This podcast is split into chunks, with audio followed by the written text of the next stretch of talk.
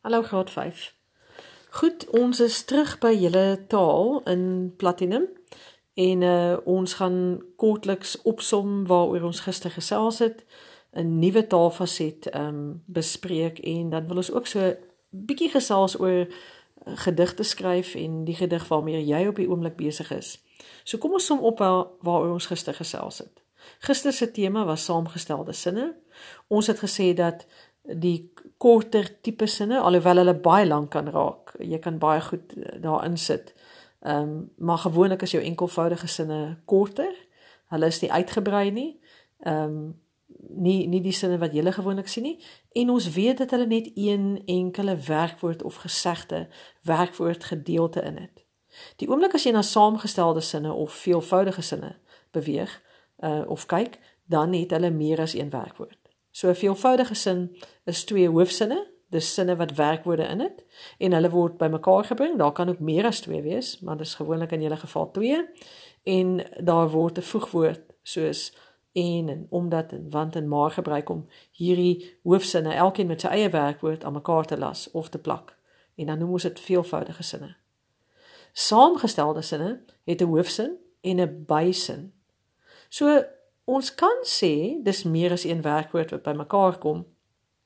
Maar dit kan effens verwarrend raak want hoekom is dit dan anders as 'n um, veelvoudige sin? Die werkwoord in die tweede sin is effens anders. Jy vergaan nie vandag veel daaroor sê nie. Ek dink dit uh, kan julle dalk verwar.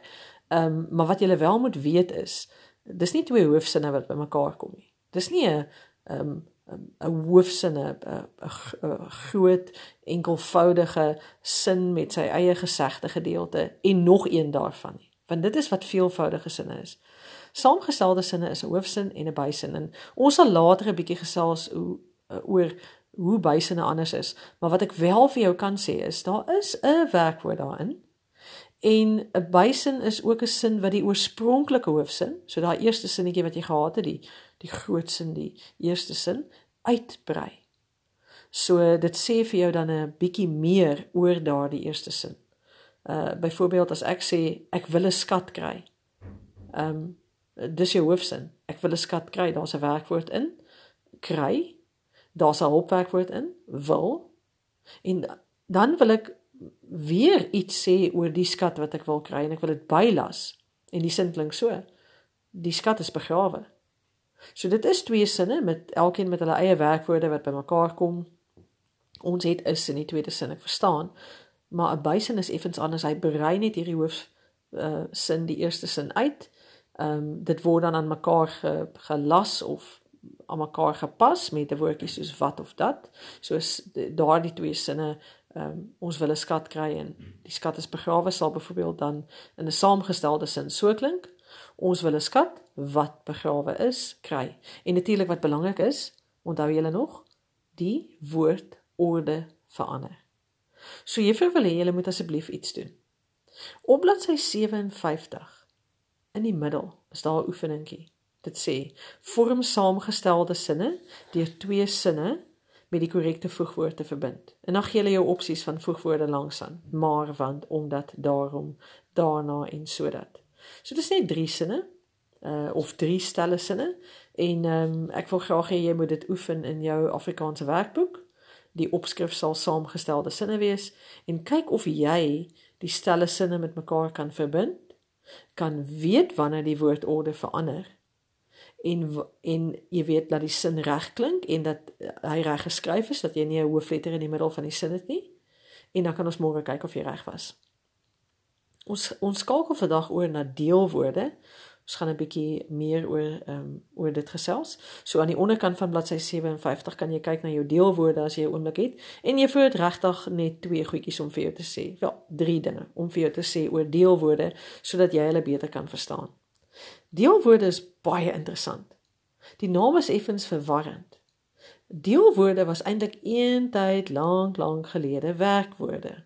So 'n bietjie van die jok maar ook 'n bietjie die waarheid. 'n Deelwoord is afgelei van 'n werkwoord. So oorspronklik het jy sê maar 'n werkwoord gehad soos ehm um, spring. En dis reg, nee, dit klink soos 'n werkwoord. Ja, dis maklik. Dis 'n hoofwerkwoord. As jy groter word, gaan jy sien werkwoorde verdeel in afdelings en ons noem so 'n gewone alleenstaande werkwoord wat jy duidelik kan sien en wat vir jou duidelik die aksie aandui, 'n hoofwerkwoord. Maar hierdie werkwoord kan in iets anders verander. Dis amper soos die storie van die prins ehm um, uh, wat jy weet 'n padda was en die prinses het hom toe gesoen. Regtig, dis vir my 'n vier verhaal. Dis dis 'n sprokie 'n uh, jy kan amper nie glo hierdie ding bestaan nie. Ja, ek praat van deelwoorde. So deelwoorde was werkwoorde. En toe kapoef het hulle in deelwoorde verander. Wat het gebeur? Die werkwoord het verander. En uit daardie werkwoord uit is 'n ander woord afgelei.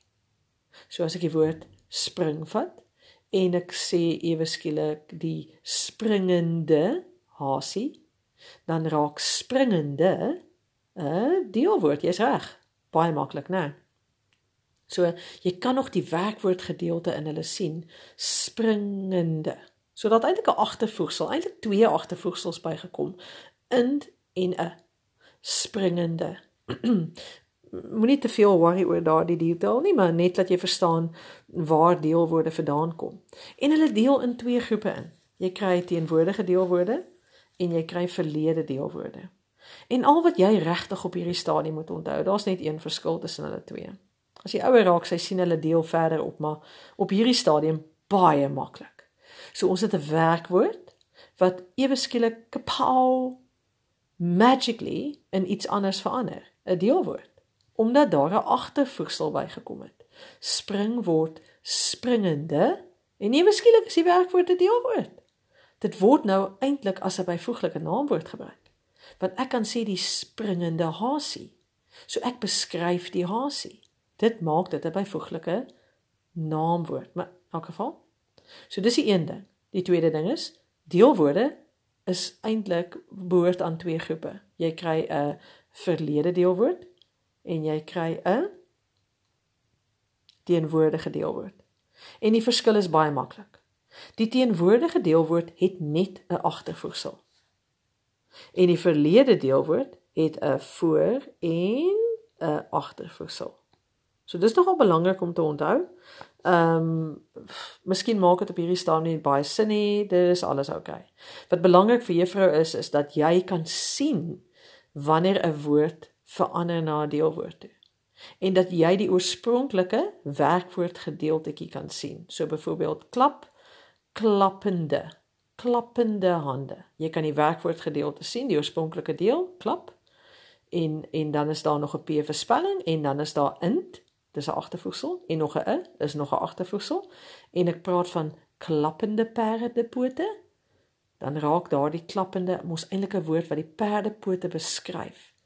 En dan is dit mos eintlik 'n byvoeglike naamwoord. Verder uh op hierdie stadium hoef jy nie regtig veel meer te weet oor deelwoorde nie. Daar is egter ietsie wat juffrou wil hê jy net moet deurgaan en miskien by jou woordeskat bysit en dis as jy terugblaai na bladsy 53 is daar 'n woordeskat blokkie aan die regterkant.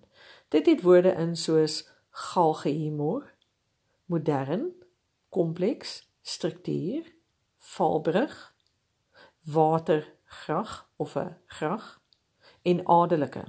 So dis woorde wat ons nie regtig uh, baie gebruik nie. Dit het alles met kastele en die tyd van kastele te doen en ek sal graag wil hê jy moet hierdie woorde by jou woordeskat bysit. So ehm um, gaan kyk 'n bietjie na hulle, oefen hulle, laat iemand hulle jou uh, vir, vir jou vra en ehm um, kyk of jy weet wat hulle elkeen beteken. Dit sê alles daarin en ehm um, dan brei jy sommer terselfdertyd jou woordeskat uit. So ons tyd loop so effens uit. So ek gaan net vir jou een dingetjie sê wat jy so lank kan probeer terwyl jy jou gedig skryf.